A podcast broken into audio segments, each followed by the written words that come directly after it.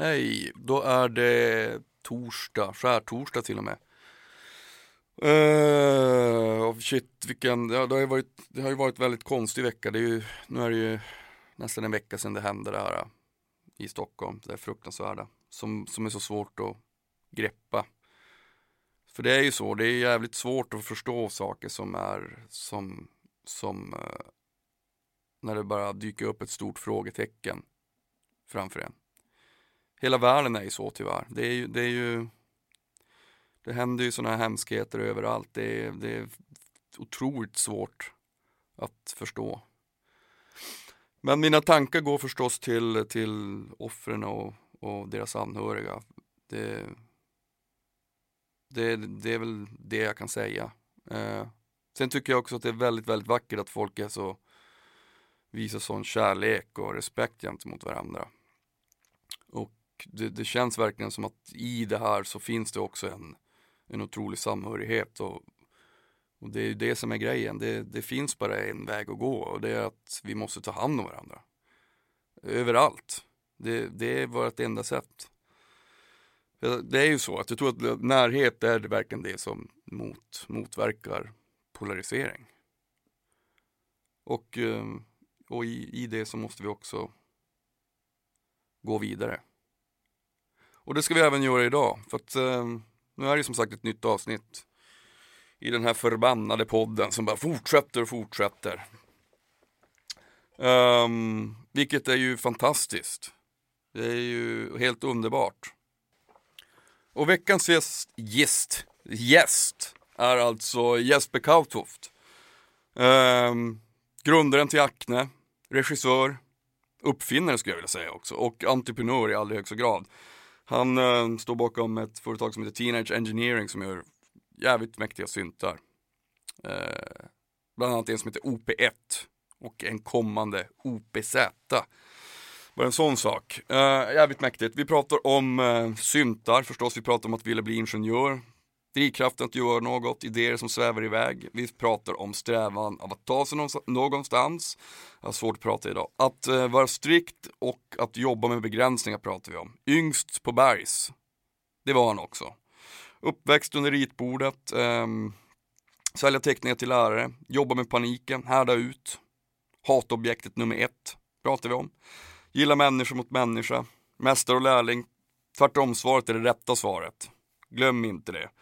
Um, olika matrixar. Vi pratar förstås om aknet, sveket och eh, revanschen. Hur saker och ting hänger ihop och sju sorters kakor. Sen avslutas allting med, eh, med en låt som heter Berlin Funkhouse Session. Som, eh, eh, som Teenage Engineering har gjort. Och de framförde den i Berlin faktiskt en gång. Med eh, Justin Vernon. Om ni vet vem han är. Så är det faktiskt även han som är Bon Iver. Bon Iver. Bon Iver. Vem bryr sig vad han, hur fan man uttalar det? Men det är han i varje fall. Det är ju rätt jävla mäktigt. Och eh, med rapparen Trim. Som, alltså London-rapparen Trim. Eh, endast här i Nordmark-podd. Jävla vad mäktigt skulle jag vilja säga. Och eh, ja, följ mig på Instagram, Nordmark. Och vill ni med någonting så mejla mig på info.nordmarkrecords.com vad ni nu vill säga eller skicka musik så kommer jag lyssna och svara. För jag tycker ju om er så fruktansvärt mycket. Um, stort tack också till Bonn Magazine som är min mediepartner. Love you, ni är bäst. Nu kör vi!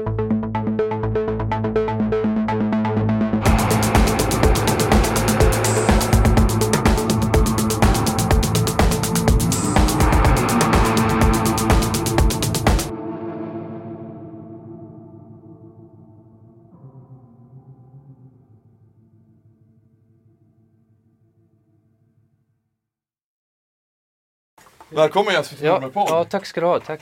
Trevligt att vara här. Fantastiskt kul. Mm. Jag, jag har ju försökt få tag på dig. Det känns som att du har varit väldigt, väldigt, väldigt upptagen. Vad har du haft för dig? Har det varit? Ja, jag, jag, jag reser ganska mycket. Jag har, jag har ju... Eh, jag har, man kan säga att jag har två roller. Jag designar ju väldigt mycket på Teenage Engineering. Ja. Men sen så är jag också någon slags, vad ska man säga, chef.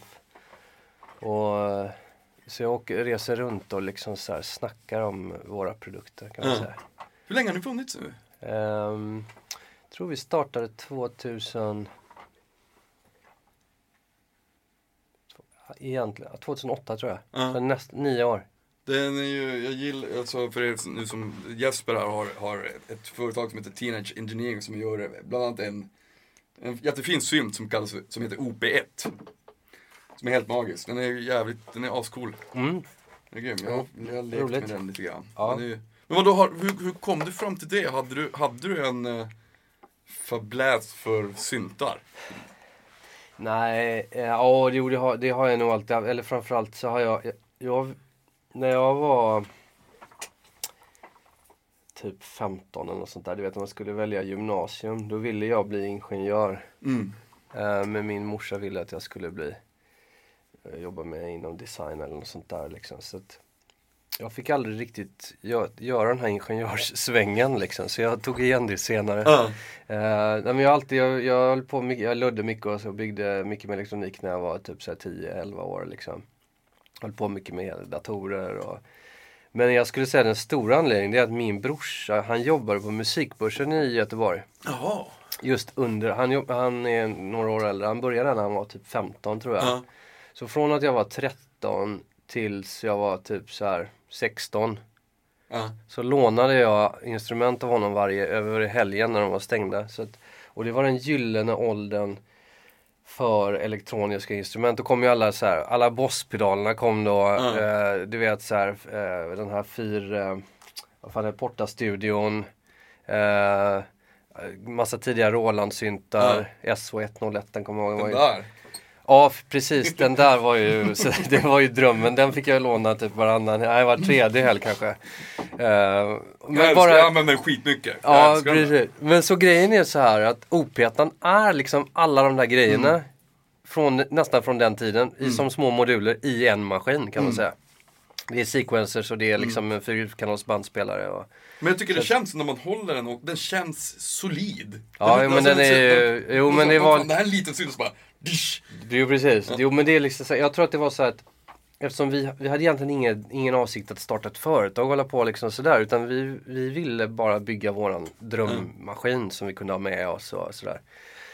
Eh, och jag gjorde jobbade med Elektron, ett annat syntföretag i Göteborg eh, tidigare och eh, hjälpte dem med deras, designa deras trummaskin och eh, Ja. en synt som heter Monomaskin. Så att jag var liksom, hade börjat så här, komma in i det lite. Fan vad intressant. Jag hade ju, jag hade ju, jag, använde, jag hade en, en av deras maskiner som heter Octatrack förr. Ja, Som vad jag, kul. Och en, en, jag, jag, det finns en akt som heter eh, Familjen som jag spelar mycket med och han eh, Andreas Tillander som också är tekniker. Ja just det, honom känner jag. Ja, du känner honom. Ja. Han, är- han, är, han älskar elektron och sådär också. Ja. Så att han, eh, Jag har träffat honom, jag har inte träffat honom inte så ofta men jag har träffat honom två, två gånger under de här typ 15 åren jag har hållit på med det ja, han är grym. Men, han är, han är, ja. han är, Tror vi ska... jävligt grym. Ja. Ibland. ja det är så. nej, han är fantastisk. Han är, han är, han är verkligen maskinist av rang. Han Mm. är, han Ja vad kul. Nej men den. Octatracken var ju, jag tror det var typ jag var lite, jag var inte så jätteinblandad i, i den för Mm. att eh, min polare som, som faktiskt grundade det här Elektron han eh, körde av vägen in i ett träd och dog. Nej, shit. Ja, så, och det var faktiskt anledningen också till varför vi gjorde op på Teenage Engineer, eller typ startade Teenage Engineer. För att vi hade lite planerat att göra den med elektron. Liksom. Ja. För jag hade försökt sälja in den till Daniel att fan nu ska vi göra en liten portabel maskin. Liksom. Ja. Men eh, nej, så det var, då blev det liksom så här. Men vi är fortfarande vänner med dem. Det är Mm. kul. Eh, Synt-community i Sverige är de som håller på och bygger maskiner och sådär. Det Mm. Alla känner varandra. Ja, ja. Träffas varje typ så här, Men, vart, en vart, gång. men bygg, alltså, hur kom ni fram till liksom den första, den första OP1? då? Gjorde- Alltså, vart, vart, vart sitter ni? Sitter ni på Katarina Bangatan? Mm. Alltså, det, jag har varit nere i det, Ja, det har det. I vårt garage alltså. ja, i garaget, Ja. men det är så jävla länge, det är svinlänge sedan. Jag jobbade, jag jobbade faktiskt, jag var, jobbade som prod-ass, du gjorde vignetten till Cobra. Ja, det- Soundtrack var med. Ja, just det. Alltså, det, Ja, var just så, det var så, Ja, jag, jag vill minnas att det var typ en miljard personer inblandade. ja där. precis. Det var så- Jaha, var du nere då och jobbade Mm. med det? Fan vad kul. Det Men det ju... var så jävla länge så jag tror vi, jag tror vi bara hälsade typ två gånger för det var, jag var mest bara ute och fixade saker. Ja, just det. Fast Ja, det var jävligt kul. Då hade vi ju typ inte riktigt startat firman ens liksom. Utan det var, men, men vi var precis liksom, vi hade samlats ett gäng och sådär. Ja vad kul. Känner jag, du- hade, jag hade ett band som heter Fireside förr, så jag Ja, känner, ju, det, jag ja. känner ju dem från Soundtrack. Där, sådär. Kalle och jag är ju gamla barndomskompisar, Ja. basisten där. Sen har man ju hängt lite med dem liksom, sådär, under åren. Eh, Men, hur, men hur ser det ut för, med OP1 nu? Har ni, kommer ni liksom... Det är den som ni har som ert flaggskepp och sen så, ni utgår från det, för ni gör ju andra grejer också. med- ja precis, vi har ju vi har släppt en gammal Carlson-högtalare eh, som vi har uppdaterat med ny elektronik och sådär. Eh, nej men vi har en plan, så här är det. Vi har typ så här två Nu blir det lite så affärsmässigt men, men vi har ju typ två, två områden. Synt, musikinstrument, eller syntar framförallt, och högtalare. Mm. Men vi tänker typ att de ska liksom giftas ihop någon gång Mm. i framtiden. Så att vi håller på och eftersom allting börjar bli upp, eh, uppkopplat och allting sånt där så, så kan man göra jäkligt intressanta grejer med även med en högtalare eller liksom lys, lys, den, den passiva lyssningen kan Mm. bli mer aktiv kan man säga. Så, så vi har väl lite idéer liksom på vi, vi, håller, vi släpper ju en ny, en ny synt nu i september. Mhm. Jag har med, med den faktiskt. Den är, jag kan hämta den. Shit, cool. Eh, Ja, den är, den är lite, lite speciell. Vi... Det är ju för att liksom så här, vad man än gör så vill man ju hitta liksom sin grej. Så här, Mm. ja, men okej, alla, alla håller på med, med, med en viss grej så vill man hitta liksom sitt un- unika liksom, tillvägagångssätt eller så här. Och grejen är så här, vi har ju portabla syntar, så här, grejer som man ska ha med sig. Så här är den här nya. eh, Cool. och den är... Ser, näst, näst, ser nästan ut som en tv-dosa. ja, så här. en del, ja, precis. En del tycker att den ser ut som en fjärrkontroll liksom, till en eh, TV. Eh, men grejen är att den, eh, ja fan vi kan plugga in den sen ska jag, om, om du har USB-ström så ska jag. Men, men den är, den den är faktiskt typ dubbelt så kraftfull som OP1 är. Nej.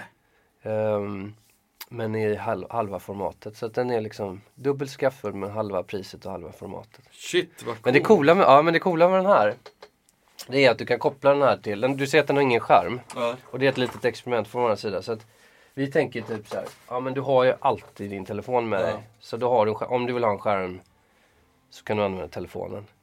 Ja, för Eh. linka dem liksom. Ja, då får du liksom Ja. all, all, alla grejer här. Men du kan också göra visuals liksom. Du kan göra rörlig grafik eh, i takt med musiken. Så du kan bygga dina egna så här, 3D-världar Ja. som triggas av noter och, och, och sådär.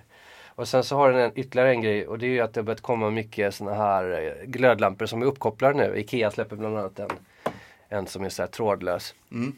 Och då kan du styra lamporna så du kan sequensa dina egna lamporna i lägenheten och så. så att, ja men vi, det är lite så vi jobbar. Vi, bara vi, vi försöker liksom så ta du vet den tekniken som finns som alla håller på med men alla håller bara på runt smartphonen hela Ja. tiden.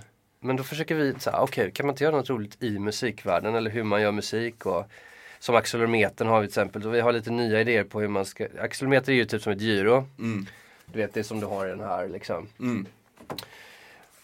Och då har vi en idé eh, som vi håller på att utforska. Det är att den klassiska grejen för att använda ett gyro det är till exempel för att öppna och stänga ett filter liksom. Mm.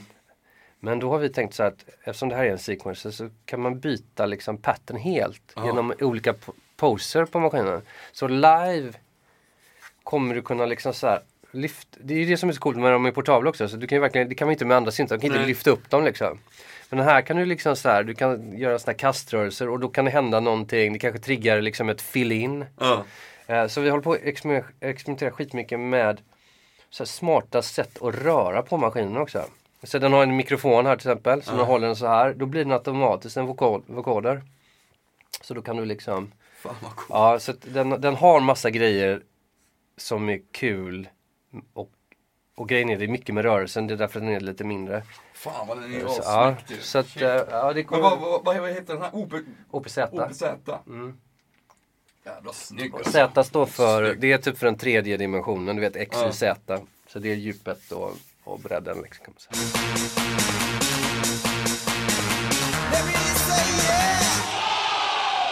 Allt det du har liksom skapat innan och så här, det känns ju väldigt gränsöverskridande det du gör. Att det, att det liksom finns någon... Har du någon, tänker du så hela tiden? Att det måste alltid vara någonting nytt? Alltså det, är, Ja. det, är, det, är det en del av drivkraften så att säga?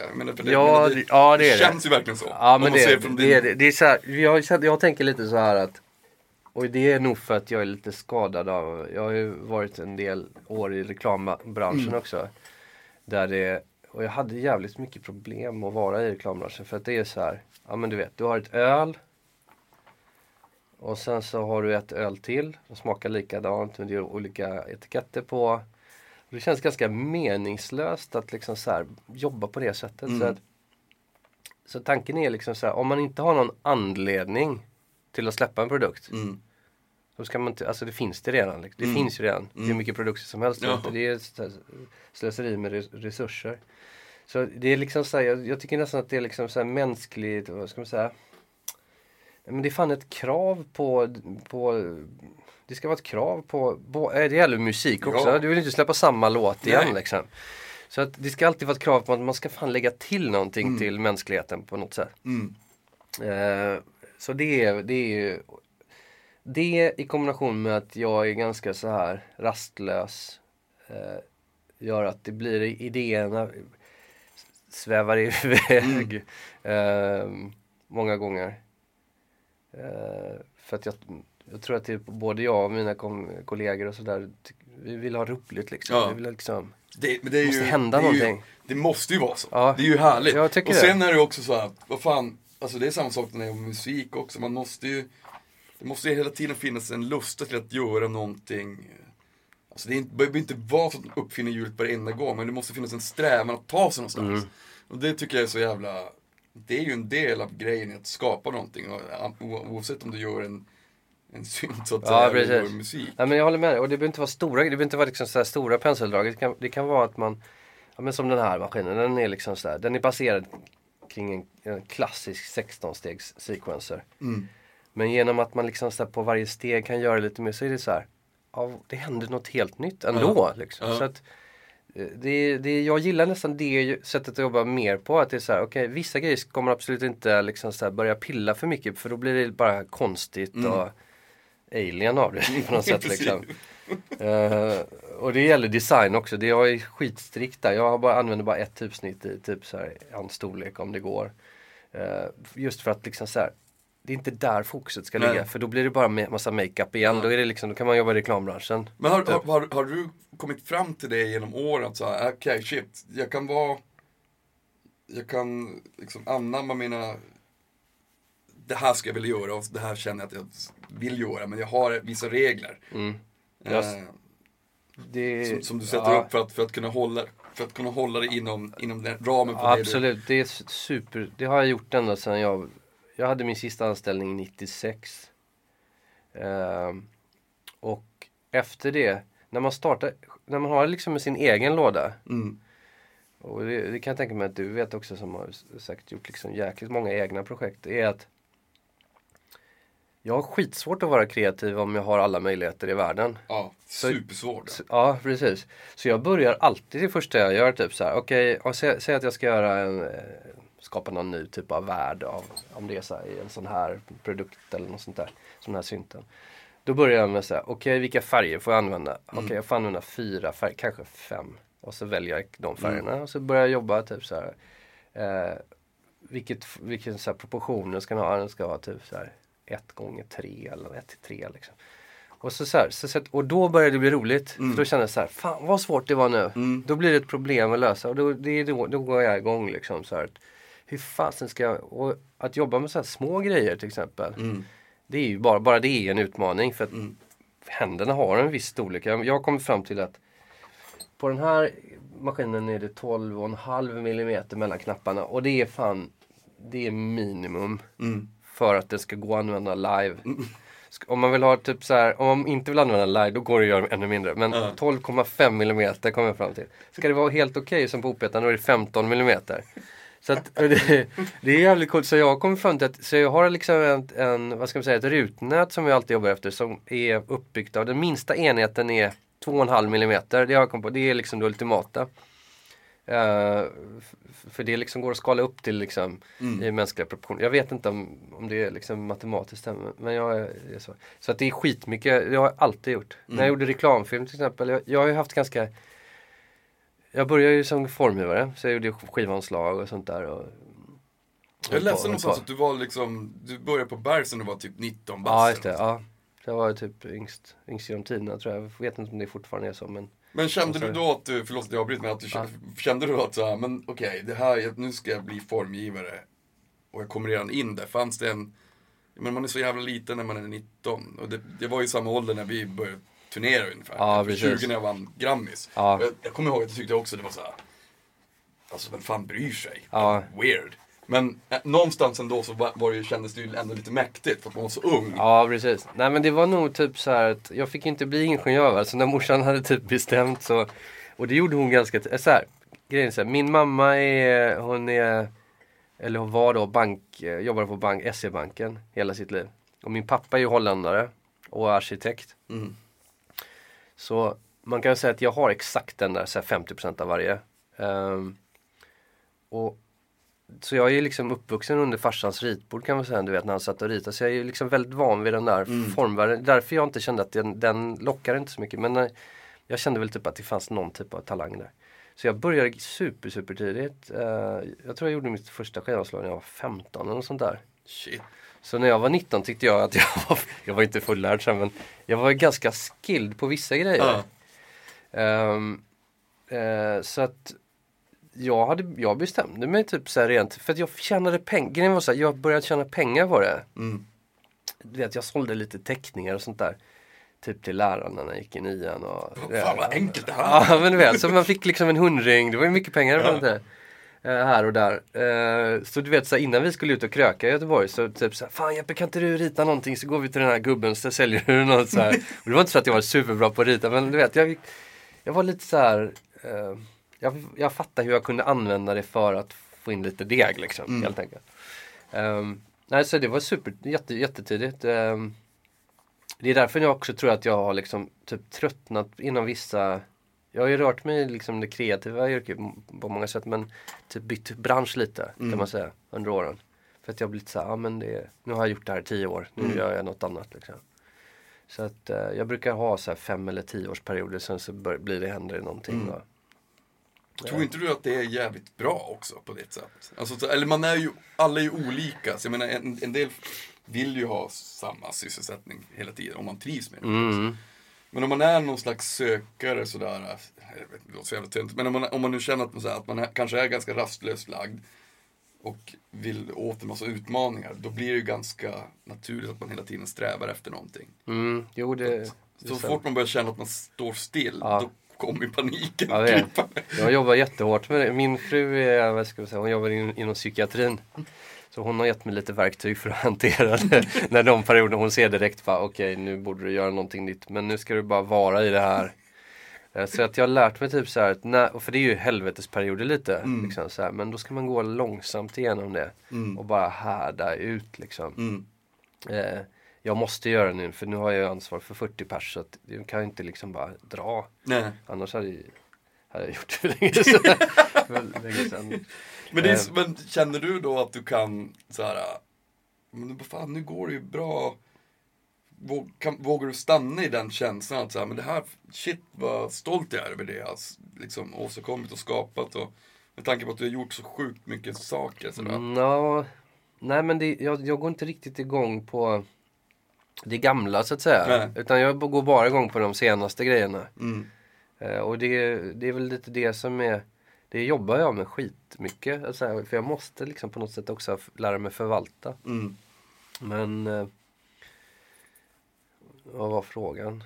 Jag vet inte, jag, jag, jag, jag trollar bort mig. Nej men, jag, nej men frågan var väl mer om man vågar, om man vågar se det, det fina i, i, det man är kanske snarare. Mm. Alltså att man, att man kan någonstans känna belåtenhet med att, Ja, att man ja, är i men- någonting som känns så här, det här känns, det här är nice och det här känns Ja, kul. jo, men Eller det- har alltid ett, foten in i, i dörröppningen? Ja, nej men jo lite både, både och ska jag säga. Jag tror att jag är så här eh, med vänner, nu har jag ju liksom en familj så att det är ju jäkligt skönt att ha en familj som man verkligen så här, det här, där kan man vakna upp mitt i vardagen och känna så här, fan Mm. vad skönt det är när Mm. ungarna skriker där och eh, min fru och dottern grälar och Mm. det är bara så här skönt. Det- det är konkret också. det är jäkligt, det är så här, det är faktiskt, eh, jag gillar ju och det är även jobbmässigt. Jag gillar inte när det går liksom så här lugnt och, och mjukt liksom. Nej. Jag gillar ju när det så här, tar emot, när det, vet, så här, man jobbar nätter och sliter inför en deadline eller när någonting går helt snett så Mm. alla måste vara så här på skärpa sig. Och, jag gillar helt enkelt när det är jobbigt. Eh, och- det är nog en sån skada från när jag höll på med reklamfilm för att det var då nästan det hände bäst grejer. Mm. Men det är lite också som att, eh, kan jag tänka mig, spela in, du vet så här i en studio man, med sina bandmedlemmar som man har hängt med sen man, sen man var tonåring som man ruttnar på liksom. Och så kanske det blir lite bråk, någon tar någons öl, eller du vet så här. Men så kommer det, händer det någonting. Mm. Och, man, och det kan ju vara så här fem på morgonen så bara är det någonting som Mm. bara Så att, och jag gillar, det är liksom Jag tror att när man, när man har varit med om det några gånger så är man också lite rädd om de situationerna. Mm. Och försöker återskapa det. Ja, men just jag, jag känner ju att jag gillar när det, händer, det oförutsägbara händer. Mm. Så, alltså, många tror jag gillar ju tvärtom. Att man gillar det som, att, för att man, kan, man vill ha kontroll över, över situationen. Ja, du tänker på Kent till exempel. det är mitt hatobjekt nummer ett. ja, men det är så här, det är så här förutsägbart och det är liksom Precis, exakt som Ja, Ken ja, tänker. Det mest förutsägbara. ja, Nej men, men, nej, men ehm, jag, jag, jag, jag tycker att det är väldigt, det är också, det är superviktigt för mig att man Mm. känner så här. eh, att det alltid ska vara på gränsen också till för mycket. Jag, jag, är ju jätte, jag har jättesvårt för att koppla av. Mm. Men jag är väldigt lätt för att koppla av, alltså när jag själv är det lätt. Men om, om det ska liksom så här. nu ska man vara ledig eller någonting. Det, det kan jag tycka, det är lite svårt.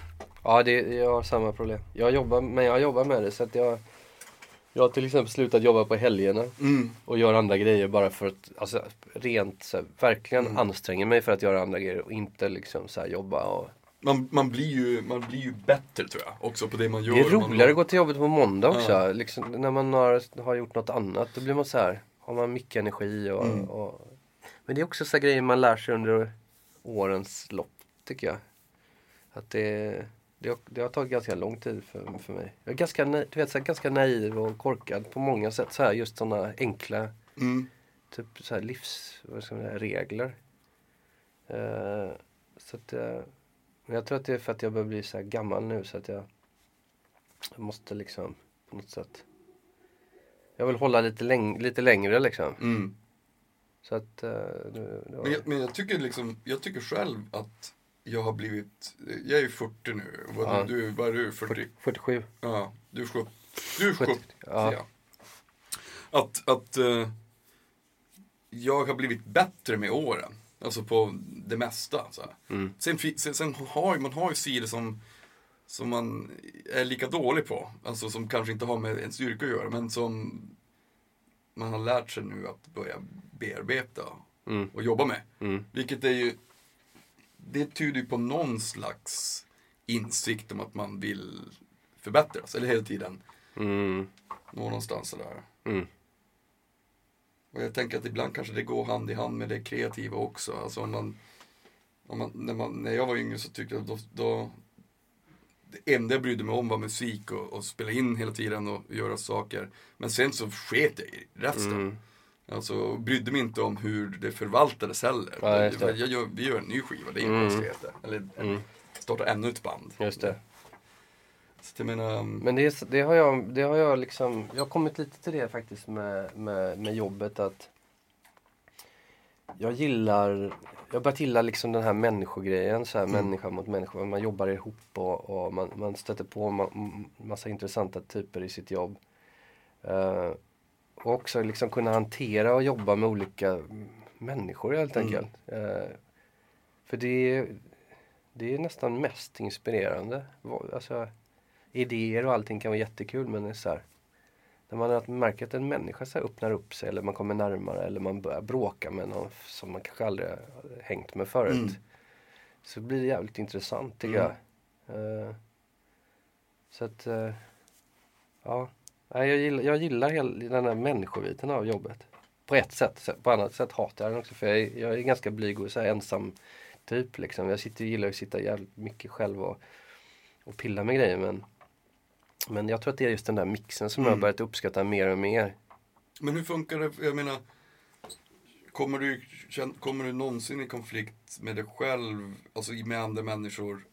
Eftersom att du också har gjort massa reklam och sådär också, som är, som är extremt hierarkiskt. Mm. Ka- har du kunnat kapa den delen när du till exempel nu med, med, med teenage engineering och sånt? Eller? Nej, det gör man inte riktigt. Så här, man, mm, eh, och det är också, en, jag tycker ju, där är jag ganska gammaldags typ så här. Ett samarbete, man kan liksom så prata om en, ett projekt och sådär men sen, i slutändan måste det vara någon som tar de avgörande besluten. Ja, För att annars- det håller jag helt med om. Det spelar ingen roll hur kreativa alla är liksom, Nej. men någon ska göra liksom, egentligen, ja men det är det som kallas för så här, creative director egentligen. På, på något sätt att det är så här, okej den här, så här, det här ska vi göra. Det finns massa val och vi kan göra si och så.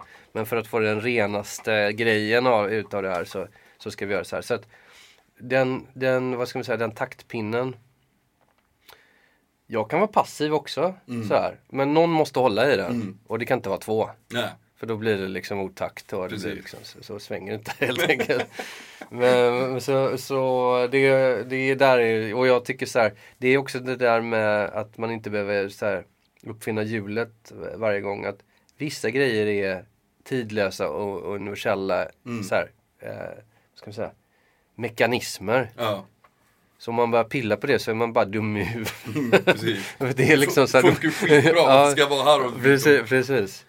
Så att eh, det, är, det är vissa grejer som är, man ska inte röra i det även om det är, och det, jag tror att det är lite generationsgrej också, att jag är väldigt van från, eftersom jag är född 70 så är liksom så här auktoritära personer, man liksom så här, man lyder och man gör liksom, man följer liksom lite order, sen är man liksom rebell när man ska vara det, man vet också när man inte ska vara det men jag har märkt lite så här att vissa, jag ska inte säga att all, alla unga är det, men jag känner att så här, vissa årskullar Mm. har jag jäkligt stora problem med. Alltså vi är helt okompatibla. Jag tror att det är, jag vet inte om det är 80-talisterna, men nej det är inte. Jag tror Att det 90. är 90 tror jag det är va? Det är någon, Sorry alla 90-talister. Nej men det är någon generation som är jäkligt, men det kanske är att de har jävligt problem med 70-talister bara. Men, men just att det är så här. Jag gillar ju den här också gamla, du vet så här mästare och lärlingsgrejen. För jag gick igenom den, du vet så här, jobbat med så här duktiga gubbar och, och, och, och tanter liksom. Och jag uppskattar det så jävla mycket. du vet, Så här, allt de har lärt en, så här, små grejer. Det räcker att man lär sig en enda viktig grej under typ två år så är det värt det. Mm. Och det, det känner man lite att så här, vissa, vissa årskullar typ så här, Men kan det vara att man, för att för, jag, jag snackar om det tusen gånger i den här podden, att förkovring är det vackraste jag vet. Mm. Eh, och då, för att man, jag menar, för att göra den här synten så krävs en jävla förkovring. Ja. Det, det, krävs, Mm, det krävs att man, att, att man spetsar huvudet liksom. Mm. Eh, och Exakt. Om, och det, det behöver inte vara en generation, men jag tänker att om man, om man, om någon säger till en hela tiden så här, men du kan göra vad som helst. Jo, det kan jag göra. Men jag måste också lik förbannat kämpa för att göra det. Mm. Alltså jag kan göra det, men det kommer inte bli bra. Nej, Det- det nej tiden precis. så Nej, men det är väl lite, lite mer det kanske. Och ni, nej, jag tror, alltså, jag tror inte att det handlar om, om, om egentligen att det är en ung generation eller en viss generation. Det, det är inte det. Det är bara att det kanske är viss, jag tror att det är så här i vissa eh, årskullar så dras de till vissa yrken helt enkelt. Alltså det är väl liksom så här populärt att göra en viss grej fast alla kanske egentligen inte har det intresset. Nej. Och så har det ju alltid varit. Utan det blir liksom så här, går trender i att Mm. okej nu ska alla göra det här, nu ska alla göra det här.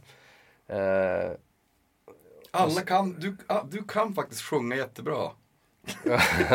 Fast egentligen kan du inte, du borde göra någonting ja, annat. fast egentligen så är jag emot det också för jag tycker att typ så här, man kan göra faktiskt allt man vill. Om, men jag tror man, så här, ja, man måste också vara ärlig typ så att, och känna vad man är byggd för liksom Ja. på något sätt. Man är ämnad för någonting, det tror, jag tror det.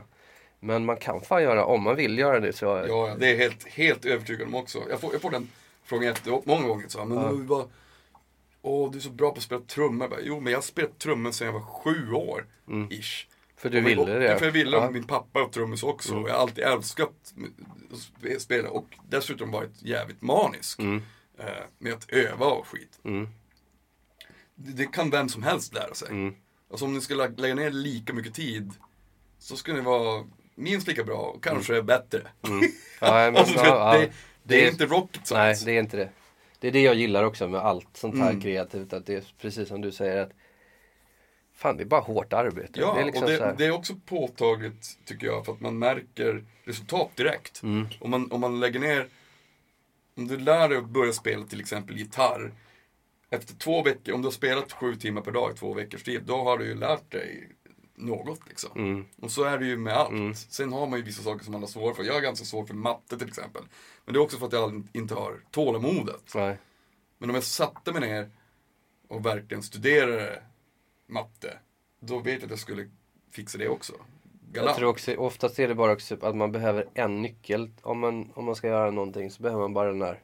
Om du tänker så här.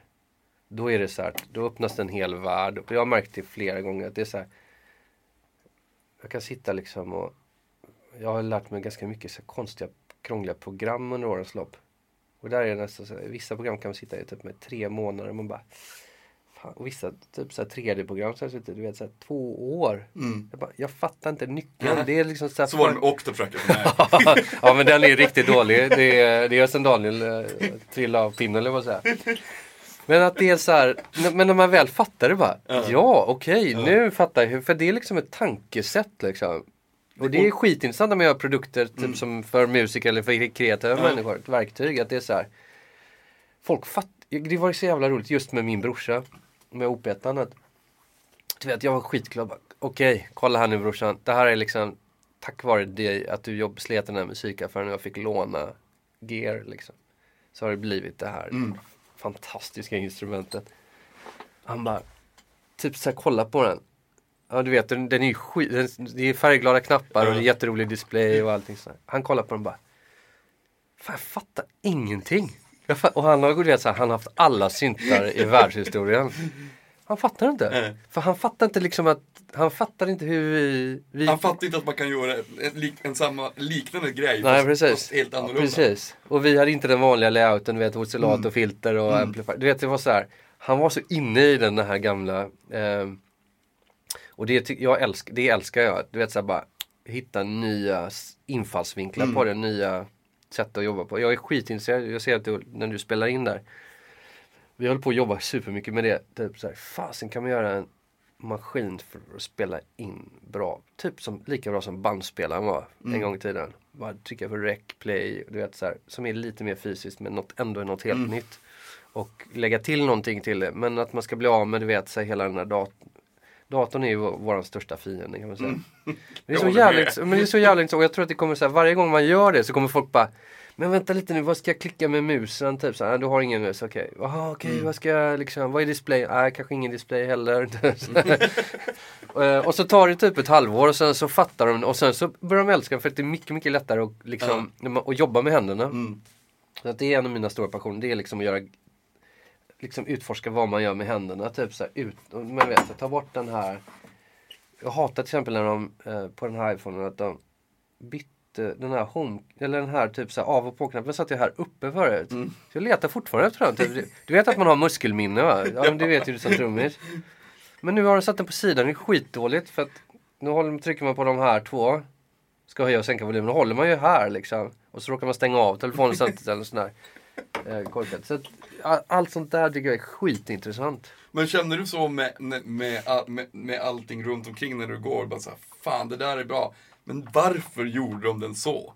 Alltså ja, den, ja, jag helt- tänker när man designar prylar och allting. Så här, kan, jag har ju själv problem att stänga av huv, hjärnan. För att jag hela tiden tänker på någonting. Alltså, Ja. Nu har jag gått dit, ja, men fan vad kul när Jesper kom hit. Ska vi snacka om det här och det här. Det blir säkert ingenting av det. Mm, nej, nej, nej, nej, men så är det ju. Men, men, eh, men har du, kan du, kan du liksom stänga av det någonstans, den, den, den processen? Nej det gör, det, det, det gör jag. Det är ju mitt så här, det är någon slags nyfiken. Jag, jag tror det är att så här, jag pratade med en psykolog om det en gång för jag var så jävla nyfiken på varför jag för jag retas så mycket Mm. med mina medarbetare. Du vet, jag kan reta dem till vansinne. Liksom. Jag har blivit ganska bra på det också. Men då sa han just det, typ så här, det är nog för att du är nyfiken. Liksom. Mm. Du är nyfiken på deras reaktioner, du är nyfiken på vad som ska hända. Och jag tror att det är liksom, jag är nog hela tiden så här, ja men du vet, okej, här är det typ så här 30 mm den här sk- skivan. Så här, ja det var, ju, det var ju schysst liksom. Eller typ de här bockarna, Ikea-grejerna här. Typ att, ja fan vad smart att de tog bort ett ben. Då känner de liksom en meter stålrör eller järnrör liksom. Eh, kan man göra det bättre? Kan det vara liksom så här. Ja, hela, hela, hela tiden. Eh, och visst, det är det som är så intressant. Jag har tänkt jättemycket, vi håller på med ett projekt nämligen. Eh, som jag inte kan prata om, men just, jag ser ju din sladdhärva här liksom. Sladdsalladen. Ja, precis.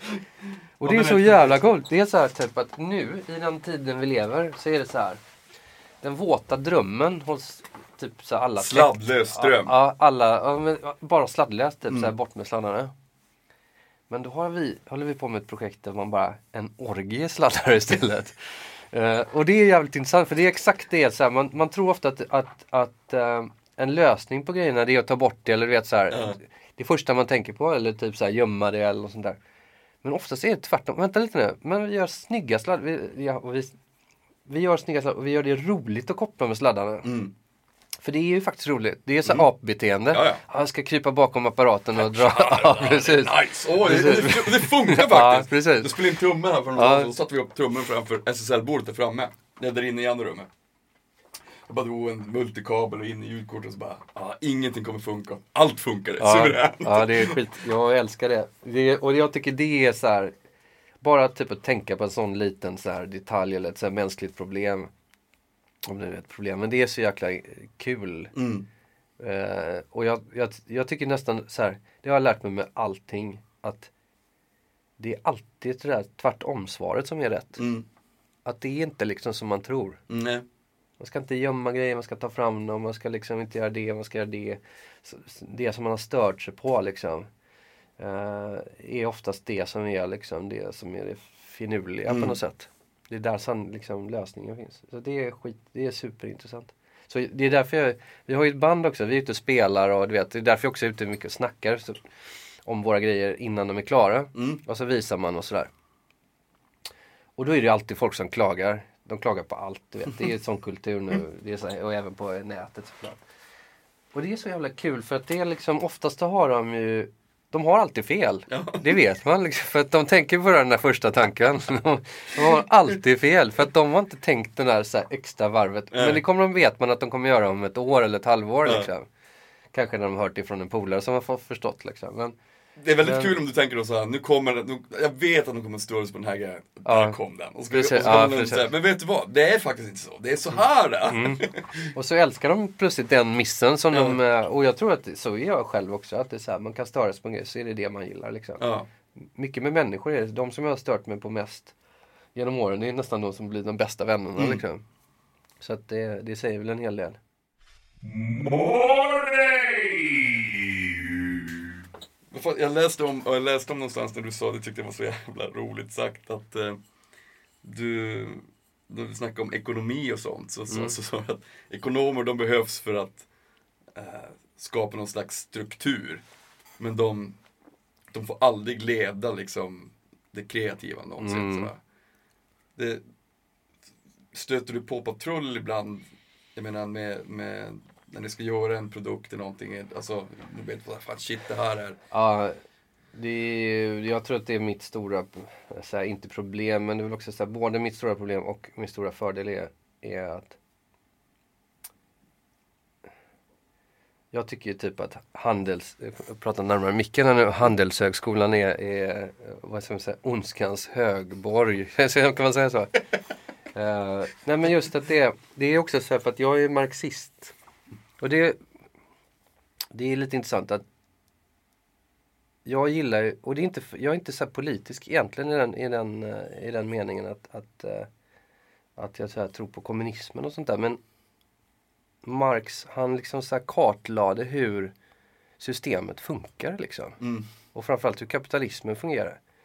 Och det är skitintressant om man förstår. Och jag tror att det, är liksom, det känns lite som meningen med livet är att försöka förstå hur saker och ting hänger ihop. Mm. Eh, och om man går tillbaka då till ekonomiavdelningen eller, eller ekonomer så det är jätteviktigt att man har ordning i böcker för att det är liksom så här, det, det får verksamheten att, att vara, det är lite som att ha städat hemma liksom. Mm. Eh, ibland så, så skapar man bäst också när det faktiskt är städat. Mm. Och ibland inte. Men, men eh, problemet är så här när det, när det blir obalans i det där, det är ju att man börjar göra saker av fel anledning helt enkelt. Att Mm. man, så här, man, man börjar göra, eh, eh, men om man tar till exempel våra syntar till exempel, så börjar man göra produkter för att de ska sälja mer. Mm. På kort, oftast är det på kort sikt. Mm. För man tänker liksom inte i, i längre perspektiv. Jag har alltid gillat att tänka typ så här 25 års, 50 års perspektiv. Mm. För det är fasen ingen som gör det längre. Eh, och, då, och då gör man ju liksom helt, an, tar man helt andra beslut. Och Mm. framförallt när man jobbar med nära musiker som dig och sådär och som vi gör. Det, då blir det också så här att man tänker lite så här annorlunda som man inte kan göra som ekonom. Mm. För man ser bara så här, vänta lite nu, jag vill ha den här femman, den ska bli en sexa nästa år. Mm. Och nästa, eh, året efter ska det bli en sju eller en åtta eller en tia. Eller sen så ska det bara tripplas och dubblas hela tiden. Mm. Och det är super, det är, det är jättefint eh, spel och, och jätteroligt. Eh, men alla går inte igång på, jag tror inte liksom så här. För mig känns det inte det som någon slags meningsfull grej. Nej. Eh, Det känns omodernt till och med tycker Ja. jag. Eh, jag tycker så här snarare att, att eh, om, om företag, framförallt riktigt, riktigt stora företag börjar tänka på okej, nu kanske vi inte ska tjäna mer pengar än så här. Det är aldrig något företag jag har hört som, som sagt det. Utan Nej. målet är ju alltid att tjäna ännu mer pengar Mm. eh, nästföljande år. Men om man skulle typ så bara tänka tanken att så här, vänta lite nu, ja men nu ska vi inte tjäna mer pengar. We're done. Ja, Det här känns perfekt. Ja, men vi kan, nu ska vi liksom göra det här. Vi har tillräckligt med pengar Mm. så vi klarar liksom att, att göra. Och vi kanske ska bara ladda batterierna Mm. så vi kan göra riktigt bra grejer och tjäna ännu mer pengar om 15 år. Ja. Men det är väldigt få eh, som, som, som tänker så. En del gör ju det som är ganska smarta. Sådär. Men, men, det Men det är- här tycker jag känns så jävla intressant. För kom, tror du att, går, går det, om du tänker på din egen personlighet, att du hela tiden vill göra något nytt och sådär. Nej, det går inte ihop. Det går inte ihop. Ja, men grejen är så här, problemet är så här, men det är också för att om man tänker i stort så här då. då jag har ju skitintressanta samtal med en ryss om det här. Som, som lärde mig en grej. Det är liksom att man lever i olika eh, matrixar. Det finns den ryska matrixen med Putin. Han så skapar sin egen ma- matrix. Och sen finns det den västerländska med, med Amerika i spetsen. Och så finns det lite andra liksom. Eh, religiösa och sådär. Men, men och vad, vad som är då, det är att man, man liksom på något sätt så här, man föds in i en matrix. Ja. Och så, så, och det är ju ett system liksom. Och sen så Alltså man, värderingarna och sådär kommer ju med, med bröstmjölken nästan. Ja. Där. Att, att eh, Fan nu tappade jag tråden helt här. Det är en jävligt bra den här teorin. Men det är liksom så här att eh, eh, Jo, om det går hand i hand med min egen eh, eh, grej. Så, jo, då är det så här att vi lever ju i ett system. Mm. Och då har jag min tanke är så här att pengar är ju den, den eh, ultimata eh, vad ska man säga, betyget på framgång. Mm. Det spelar ingen roll hur, hur kast du är egentligen. Om du tjänar jäkligt mycket pengar så, Så får du hög status. Precis. Jag vill bara titta på Per Gessle. Eh, nej men jag, det är så roligt att flika in sig i artister som, som man har. Eh, Som du högaktar. Ja, precis. Nej men det, det och eh, det, det jag tror inte man får någon lycka av det. Det är Nej. liksom inte, och, och, jag, jag tror inte, eller lycka, men någon slags fulländning. Mm. När man har levt sitt liv så är det liksom så här, pengarna ger inte det. Nej. Utan det är bara, det är bara en illusion. Mm. Att man ska ha pengar. Och när man väl har det, jag har ändå tjänat ganska bra under årens lopp liksom. Eh, och när man väl har pengarna så känner man så här. Vänta lite nu, jag trodde jag skulle, det kändes lite Ja. annorlunda. Men det känns exakt som igår. Ja, ja precis. Eh, jag blev inte gladare för att jag köpte den här grejen eller, Mm. eller den här. Så att, och det är ju, det är ju liksom, vad ska man säga, kapitalismens drog Mm. är ju pengarna. Mm. Eh, och, och meningen är att man ska droga alla med den här så att man, ska, man tror att det är liksom Mm. det, det högsta målet är. Och, och då blir det skitintressant. Och det är en matrix. Mm. Och men om man ty- typ så här, och då har jag tänkt så här att Okej, jag kan vara, eller jag är ju den matrixen. Men då, då kanske man vill så här spränga den här matrixen inifrån på något sätt. Så det har varit mitt så här, det är nog mitt så här, stora mål i livet. Nej men på något sätt så här, eller leva i matrixen Ja. men ändå vara Man ska ju utanför. vara mitt bland fiender och stångas precis, ja, liksom. precis. Vara i matrixen och så bara, okej men, och, och, och, och se det för vad det verkligen är liksom, Mm. med, med klara ögon. Så det, det tycker jag är superintressant och, och, och det har med allting, det spelar egentligen ingen roll om vi pratar om idag, men att man, vad man än gör, Mm. Så finns det så här, och i Matrix så finns det massa små matrixar, men, men att förstå liksom hur systemet funkar. Mm. Hur fungerar musikbranschen, hur fungerar liksom det ena eller det andra. Mm. Det tycker jag är superintressant. Ja, verkligen. Och då förstår man också, det som är intressantast är det tycker jag, då förstår man också hur mycket klåpare det är där ute. Mm. Som faktiskt är helt obegåvade och, Mm. och bara liksom de som är bäst och störst, liksom så här, de, egentligen så har de inte liksom åstadkommit någonting Mm. utan de kanske bara har blivit så här, framgångsrika Mm. på andra sätt. Liksom. Så att det är, det är ganska intressant att tänka på det och det finns, jag tror inte det finns något så jätteklara svar i det heller.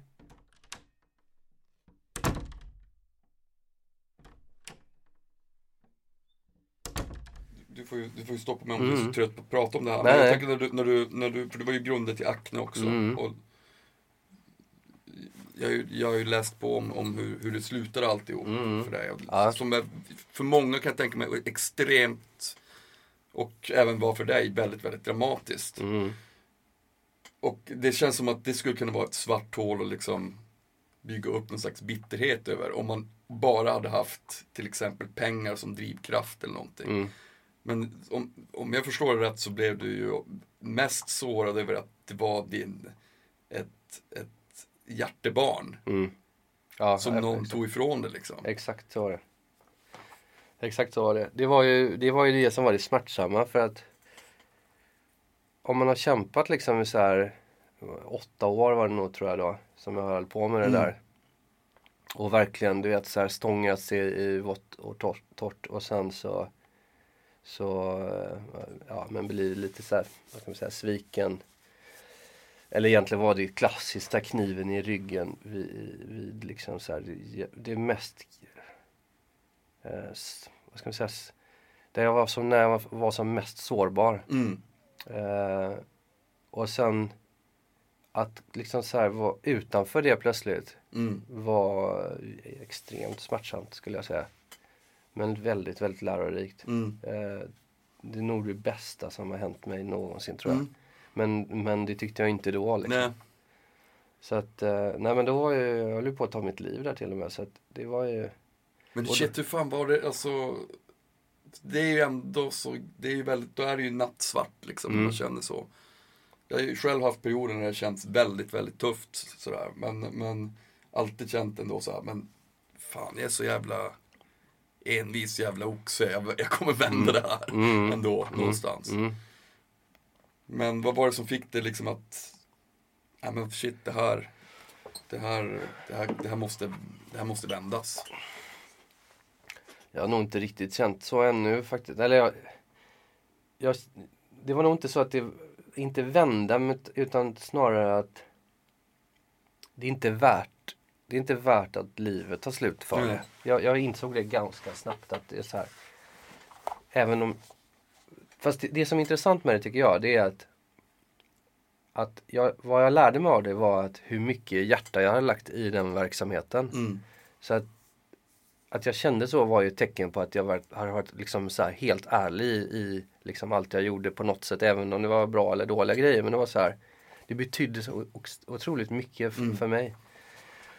Ehm, så jag, jag tror att så här. Om man ska gå, liksom, så här, gå tillbaka. Jag kommer inte ihåg om det var typ 2002 eller 2003 eller något sånt där det hände. Men först går man ju igenom en fas av eh, nästan som eh, jag, jag kan tänka mig det som att liksom så här, tända av från heroin. Mm. Att det är så här, man kan liksom, man mår så konstigt och dåligt och, och eh, hela liksom ens värld är på något sätt så här för, för, förvrängd, liksom Mm. ens tankevärld. Och, och, eh, och, och där är det nog bara att liksom ha jäkligt bra vänner som Mm. så här, okej nu gör vi andra grejer. Mm. Du tänker inte på det här och du liksom så här, häng med på det här roliga. Och det var en ganska lång period liksom. Eh, jag åkte till New York där jag var med min kompis Paul i typ tre månader. Och, och vi var bara ute och liksom festade liksom och gjorde annat helt enkelt. Mm. Och han mådde lika dåligt, även någon tjej som han hade tabbat sig med liksom. Så att vi, vi var typ så två typ så här, eh, förlorade själar liksom på något sätt. Ehm, men jag kan tycka också att liksom den här, att den fasen Fan vad skön den var efteråt, för det var liksom så här, du har ingenting. Nej. Det är liksom så här, jag blev av med min fru också i den Mm. vevan, för det var ju hon som utlöste hela eh, kalaset. Ehm, och mina, som jag då tyckte var mina närmsta vänner på Mm. den här firman, som, som, som satte kniven i ryggen. Ehm, så att det var liksom så här, men då hade jag, eftersom jag är från Göteborg så du vet, gamla polarna, Mm. du vet brorsan igen, du vet så här, han bara kom ner och så, så hängde vi lite där och, och det roliga i en sån där situation, eller det som är liksom så spännande, det är att man blir helt orädd. Mm. Alltså, jag kommer ihåg jag körde så här, åkte ner till Grekland, körde du vet så här eh, i, i typ så här badbrallor och t-shirt, du vet så här, hyrde någon motorcykel så bara körde du vet så här i full fart utan hjälm och du vet i bergen så här. Mm. Och bara kände så här, fan vad skönt jag lever här. Ja. Så här. Eh, sådana grejer, Ja. hela hela tiden, nästan i ett år liksom, två år bara så här. Och sen så började nästa fas. Det var då jag började göra reklam för, för det kändes så här, okej nu börjar revanschen. Mm. Så då bestämde jag mig så här. För att de hade De har alltid tjatat, vet så här, de, vissa av dem där, de bara, ja nu ska jag tjäna pengar och sådär. Jag bara, nej jag är inte intresserad av pengar typ. Men så tänkte jag så här, efter, jag var ute ur det där, bara, nu ska jag visa dem hur man tjänar pengar. Mm.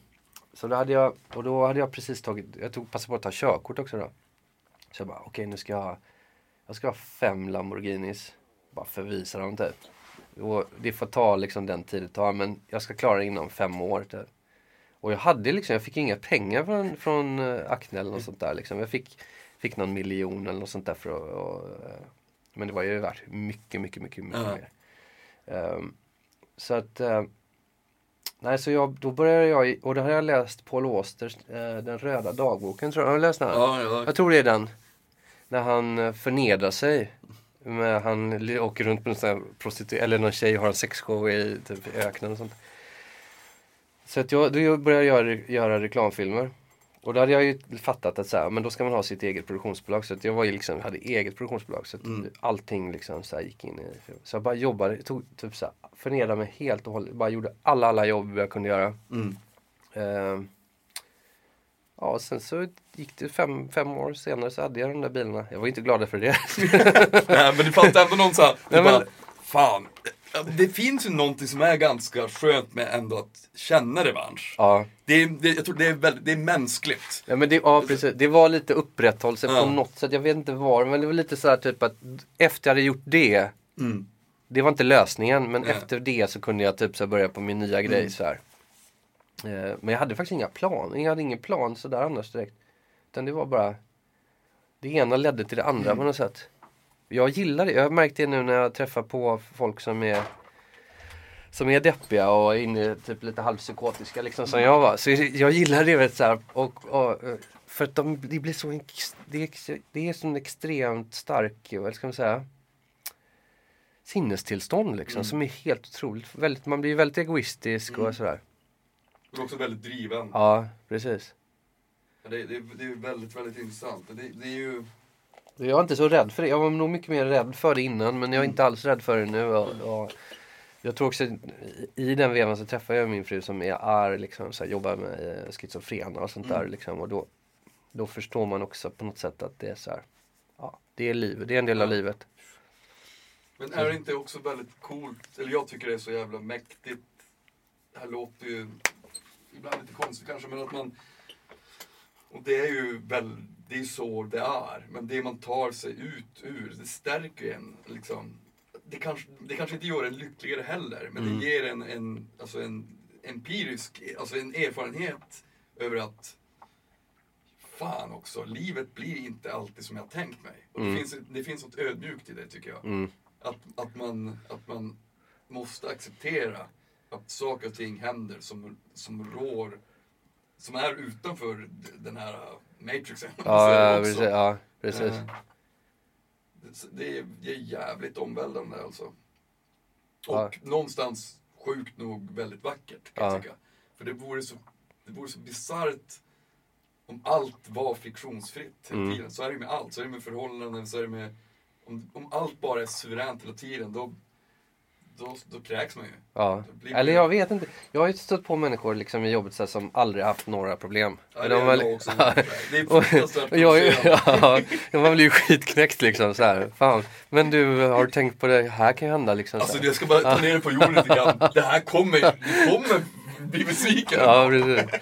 Nej, men det, är, det är faktiskt um, avundsvärt Ja. alltså, hur en del klarar sig, kryssar genom livet utan att få några liksom hamna i några sådana situationer. Eller? Precis. På samma sätt som en del bara hela tiden går på miner på Ja, miner, pre- precis, precis. Man föds nog lite med det tror jag.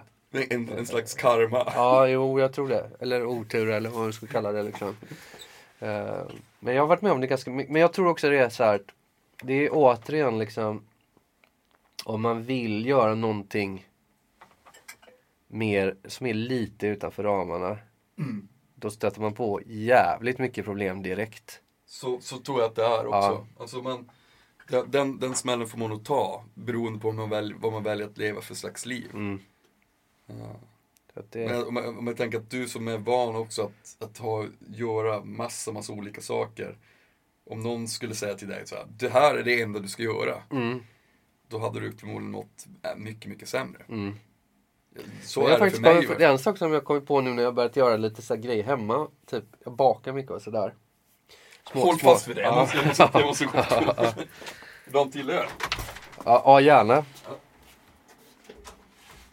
Men tillbaka Ja. till det här med Ja. brödet, baka bröd. Ja, just det. Ja, nej, ja, grejen det är faktiskt inte, det är faktiskt, det är jättepatetiskt. Det är småkakor, så det är inte ens bröd. Fan vad mäktigt, sju sorters kakor. Ja, det, det är faktiskt det. Och eh, det är sötebröd också heter det, vad tror jag. Så här wienerbröd och sånt där skitjobbigt. Men grejen är vad jag, det som jag blir så jäkla glad över.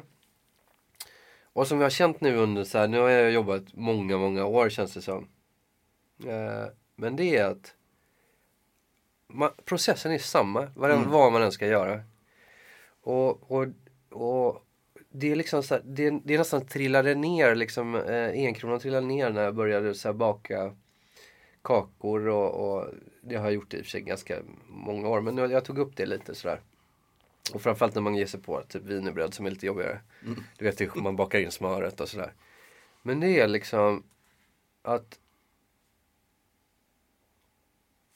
man har liksom ett gäng ingredienser slänger man in liksom. Men, och, och där behöver man inte, det är lite som vi snackade om i början av det här snacket att man behöver liksom inte, där behöver man inte göra liksom, men när man gör det ordentligt, vilken jävla, det är då det blir så fantastiskt bra. Mm. Alltså resultaten när det är färdigbakat och sådär, att man gjorde det på rätt från början. Mm. Att man inte slarvar liksom med att ha liksom Ja men du vet så här, för mjukt smör eller Mm. något sånt där. Och, utan man liksom så här gjorde det verkligen exakt som man ska göra Mm. det. Då blir liksom den här skaparlyckan Mm. oändligt stor skulle jag vilja säga. Så att, ja, och det, det var liksom när jag, när jag bakade som jag kände så här, shit vad, det är så här allting hänger Mm. ihop.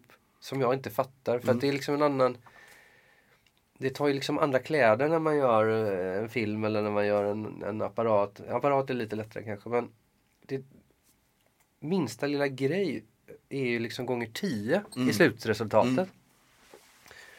Eh, och det, jag tyckte det var så här, och det är lite också så jag, då insåg jag också hur jag fungerar. Det är att jag kan inte liksom läsa om en sån grej eller höra det typ så på radio, någon som typ säger en sån grej som jag gör nu. Utan jag måste känna det måste känna och uppleva- det.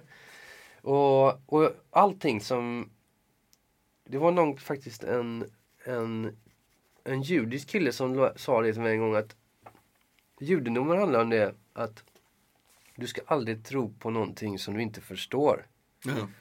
Och det tror jag faktiskt är jävligt bra eh, sån här, eh, vad ska man säga, ordspråk. För att det är väldigt mycket man inte förstår i världen. Jag vet. Och, och när man bara funderar på det så här, om man förstod bara en liten, liten del. Ja, då kunde man ju typ så här ta sid, välja sida liksom. Men, men, men man, man, man, man tror på alldeles för mycket som man inte Ja. förstår och, och är helt i onödan. Men jag, jag, jag, jag ser det, för mig är det en tröst. Jag, alltså att, att jag, jag inser att jag inte vet ett skit. Ja, Eh, och där, det kan man vara ödmjuk inför också. Alltså det, det, det finns, och, och, och därför också behöver inte jag tro på sånt som jag inte heller alltid förstår. Ja, det. Kan, jag, det, det kan vara okej att inte förstå. Ja. Alltså det finns så Ja. sjukt mycket som man inte förstår som du säger. Det, är liksom, de flesta vet ju inte att det tar åtta minuter från, från solen att färdas till, till jorden. Jag visste inte det, heller. ja, men det är jag menar, det är väldigt, det, det, och hela världen Jag kan inte fylld- förstå det heller. Nej, hela världen är fylld Mm. med, med, med sådana, med sån vetskap. Det, det är ju det är skitmäktigt ju. Men Alltså, har, har, det- du samma, har du samma, är du också intresserad av att laga mat? Jag älskar att laga mat till exempel. Det är, för, det är min Ja men där har jag, jag har... eh, bakning i mitt ja. värsta. Nej men alltså grejen är så att när det gäller matlagning så gillar jag, jag gillar, för det första gillar jag tysk mat. Jag älskar tysk mat. Så jag har en wurstsallad som jag gör. Det är ju i princip en pizzasallad gjord på falukorv. Liksom. Surkål och korv. ja precis. Men sen är jag ju um, som sagt halvholländare och min pappa har, han var uppvuxen på Jakarta i Indonesien. Så jag gör ju så här några klassiska indonesiska grejer. Aha, typ cool. så här bami och, och satay och sånt där. Um, Vad är bami för någonting? det är, det är en typ nu, alltså bami, det heter bami goreng. Det finns nasi goreng Mm. och sen finns det bami goreng. Och bami är med nudlar och nasi Mm. är med ris typ. Det är egentligen en indonesisk pyttipanna. Mm. Eh, så det, det har jag gjort i 30 år liksom. Efter farsans recept. Så, perfekt. ja, men, ja men den är liksom så här. Men det tog faktiskt också några år innan. Det tog kanske 10-15 år innan enkronan trillade ner där också. Typ att man skulle separera grejerna ordentligt och hur man ska koka bamin Mm. för att den ska bli liksom perfekt. Och... Så det har tagit sin tid. Men om du applicerar det också på till exempel med, med syntarna eller med, Mm. med det du har gjort innan. Kan det finnas en frustration när du vet att så här, fan det är ganska bra det här men det är inte riktigt där. Alltså, Så känner jag eller, varje... eller känner du att så här, det här, det, det kommer, det här är, det är så van vid att känna så det, jag kommer komma på det. Bara jag ägnar ännu mer Nej, tid. jag är superorolig hela tiden. När det gäller eh, just och den här, absolut. Den är inne i en sån känslig fas nu att minsta lilla grej, du vet så här. Det kan vara till exempel att någon ingenjör säger så här, eller programmerar en grej, typ så här. Ja men man ska trycka på den knappen först och sen på den. Ja. Eller om, och det är skillnad om man trycker på den och sen den. Och jag bara, nej men det får inte vara skillnad. Det får inte vara skillnad. Ja men då kan vi inte ha den funktionen. Du vet så här. Och, så är man, och då kan man vara sömnlös i två veckor kanske. Ja. Alltså och må riktigt dåligt, Ja. fysiskt dåligt. Så här, att det kommer gå åt helvete med Ja. allting. Så att det blir oproportionerligt stora känslor faktiskt. Ja. För, eh, och det Fast det är fan fint tycker jag. Det Det, måste få, Det måste, vara nej, men det är så här, jag tror att det också är så här, och det är precis det där, jag gillade det du sa med att förkovra sig för att instrument är så jäkla, det är en ganska känslig grej. Mm. Att det är så här, och man kan inte slarva det. Det är liksom ett, jag är skitnoggrann med verktyg. Verktyg ska vara så jäkla bra som de bara kan och det ska vara precision. Det får inte vara liksom att det får inte vara någon dålig programmering till exempel i en sequencer där, där noterna glider. Att det Nej. liksom är otajt eller något sånt där. Eh, och om det ska vara otajt så ska det vara liksom jäkligt liksom så här välprogrammerat. Men eh, det är liksom, verktyg är så, man måste liksom verkligen lägga sin själ i det. Mm. Eh, Men det är också för att vi vill att våra grejer ska leva länge. Vi vill att Mm. de ska säga, ja men man ska kunna plocka dem upp eh, liksom från garderob. Man har haft den i liksom en garderob i 15 år, slå på den och så funkar den så har man sina gamla låtar där i. Mm. Det är liksom drömmen. Ja. Det är liksom visionen med allt vi gör. Att det är så här. Okej, du leker lite med den. Eller spelar med den. Stoppar den i garderoben sen så tar du fram den om 20 år. Och så är Ja. låtarna kvar. Ja. Det är bara det liksom. Så att det, och då, då, så vi har massa sådana såna regler. Eh, och jag är ju så här, jag har en så här super, eh, vad ska man säga, en, en, det fanns en formgivare som hette Otto Eicher. En, jag tror han var, han var nog tysk eller schweizare eller något sånt där. Men han gjorde eh, han gjorde bland annat olympiaden i, i München 76 eller så. Han gjorde hela det där liksom. Men han skriver också så här, han har skrivit några böcker, de har bara varit på tyska innan. Mm. Eh, men nu har de börjat så här, nu är det några som är översatts. Men han, han, han pratar ganska mycket om, om just sådana här grejer i, i han ger en massa så här jäkligt bra exempel på det. Och, det är, som, och ett som jag fastnar på jäkligt mycket det är typ så här att om du har en spindel till exempel Mm. och så har, skickar spindeln ut sitt nät liksom. Då är ju liksom så här, en spindel är ingenting utan sitt nät. Och sen så då börjar man tänka liksom så här vidare på det där. Så här, ja men vänta lite nu, om man är en violinist till exempel. Mm. Då har man ju sin violin typ. Så här, man är, liksom, instrumentet är, och det verktyget då, det är en del av liksom, och då när man börjar se på produkter på det sättet, typ så instrument och sånt där. Mm. Då blir de så extremt viktiga. Mm. Att det är så här, du kan inte slarva bort det. Du kan Nej. inte liksom så här, eh, du kan inte ha, inte ha ångest Nej. när du gör dem. Nej, för att du måste, det, det ska verkligen, om jag är en syntare då, Mm. då ska jag växa ihop med den här maskinen. Ja. Jag ska ha med mig den jämt och jag ska liksom så här, den är en del av mig. Och det är jäkligt coolt tycker jag, den, den kopplingen mellan så här, så här, objekt och människa. Ja, det är skitfint ju. Ja, men för det blir ju en, en, det blir ju också en förlängd, en, en förlängd arm i både känslor och Precis. fysiskt. Men jag kan tänka mig att det känns som med alla instrument som du gillar, det är någonting så här, ja men om du hur du stämmer trummorna Ja, eller liksom så här, ja. vilka trumstockar du har eller vad det nu är. Ja. Så är det så här, vissa grejer fastnar man för. Och det som är intressant, för jag, jag är liksom så här. Jag, jag hamnar ju per automatik lite i den här industridesignvärlden eftersom jag börjar göra liksom det. Och jag fattar inte den världen typ så alls för de bara de pratar om helt andra grejer. Mm. För jag, jag pratar bara om det här liksom så här. Hur fasen, och det behöver inte ens vara snyggt. Nej. Utan det är så här. Vi kan bara skapa en känsla. Många grejer är typ så här i, i instrumentvärlden. De, ja men kolla på de där stämskruvarna. det, men man gillar dem, alltså det, man kan gilla Ja. grejer ändå liksom. Ja men verkligen. För att de är, det är, och det är jäkligt intressant. Och då blir design på något sätt superintressant tycker jag. Det är, ju, det, det, det är ju verkligen det. Och det är ju... Jag satt för och jo- jobbade jättemycket med, med midi-syntar och sånt. Mm. Så. Men sen när jag fick så den här studion så bara, men fasen, här, men nu har, nu har Prophet 12 och, och Tempusen här, allting. Och det, för mig är det, Det är bra för tjuvarna att veta vad du har för grejer i studion. nej men det är sjukt mycket roligare. Ja, men- Alltså det, för ja. mig funkar det bättre och jag jobbar mycket snabbare. Alltså jag, jag använder eh, midi-grejer också. Mm. Mjukvaror. Sådär. Jag tycker att det, det finns en kombination är alltid bra, men det är någonting som är härligt med att få, när du visar den här synten, så Ja. ja. shit, fan det här är ju, det här är ju, det här är ju grymt. Mm. Det här är ju någonting som man, för det skapar ju en känsla direkt. Att få hålla i Ja. någonting. Fjärrkontroll. Fjärrkontroll. Men det kommer den här i höst. Ja, det kommer i höst ja. Fan vad fet. Mm.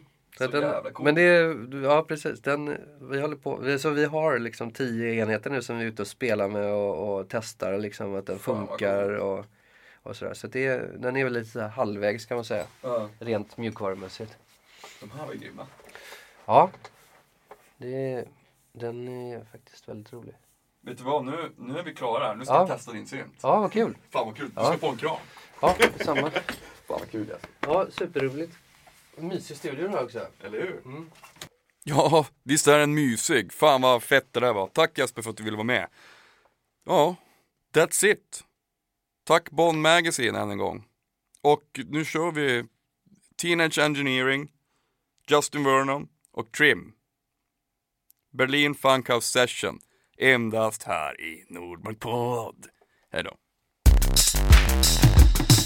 Look, I'm the Doberman, pissing on a load of them. I told them, I ain't holding grudges while you holding them. When I see him trying to play sick, I make a note of him. Find his girl on the strip, open her fallopian. I'm out this world, utopian. Murking these pop tart looking Mongolians. I might crown myself Napoleon, shitting on MCs with no Imodium. Big burger lips and a nose like opiums. I've got this, thanks for the podium. It's the E14 Estonian, heading to the strip with a bag of plutonium. Yeah, I can hear the pandemonium, but this channel ain't Orange or Nickelodeon. Nah. This channel ain't Orange or Nickelodeon. Listen. Yeah. Trust me. Look, I ain't even listening. Got a few pots of my own that I'm pissing in. Yo, check the flow that I'm spitting in. They can't test these waters I am swimming in. Nah, I'm the one they wouldn't give an inch, cause I couldn't care less or give a shit. Nah, it's me they keep mimicking, so I keep switching the flow like a lyricist. Bad boy, that's what the image is. Wouldn't start something if I couldn't finish it. And if I know who you're living with, I'll turn up with my goons, gripping it. Bad boy, that's what the image is. Bad boy, that's what the image is. Bad boy, that's what the image is. Wouldn't start something if I couldn't finish it, yeah.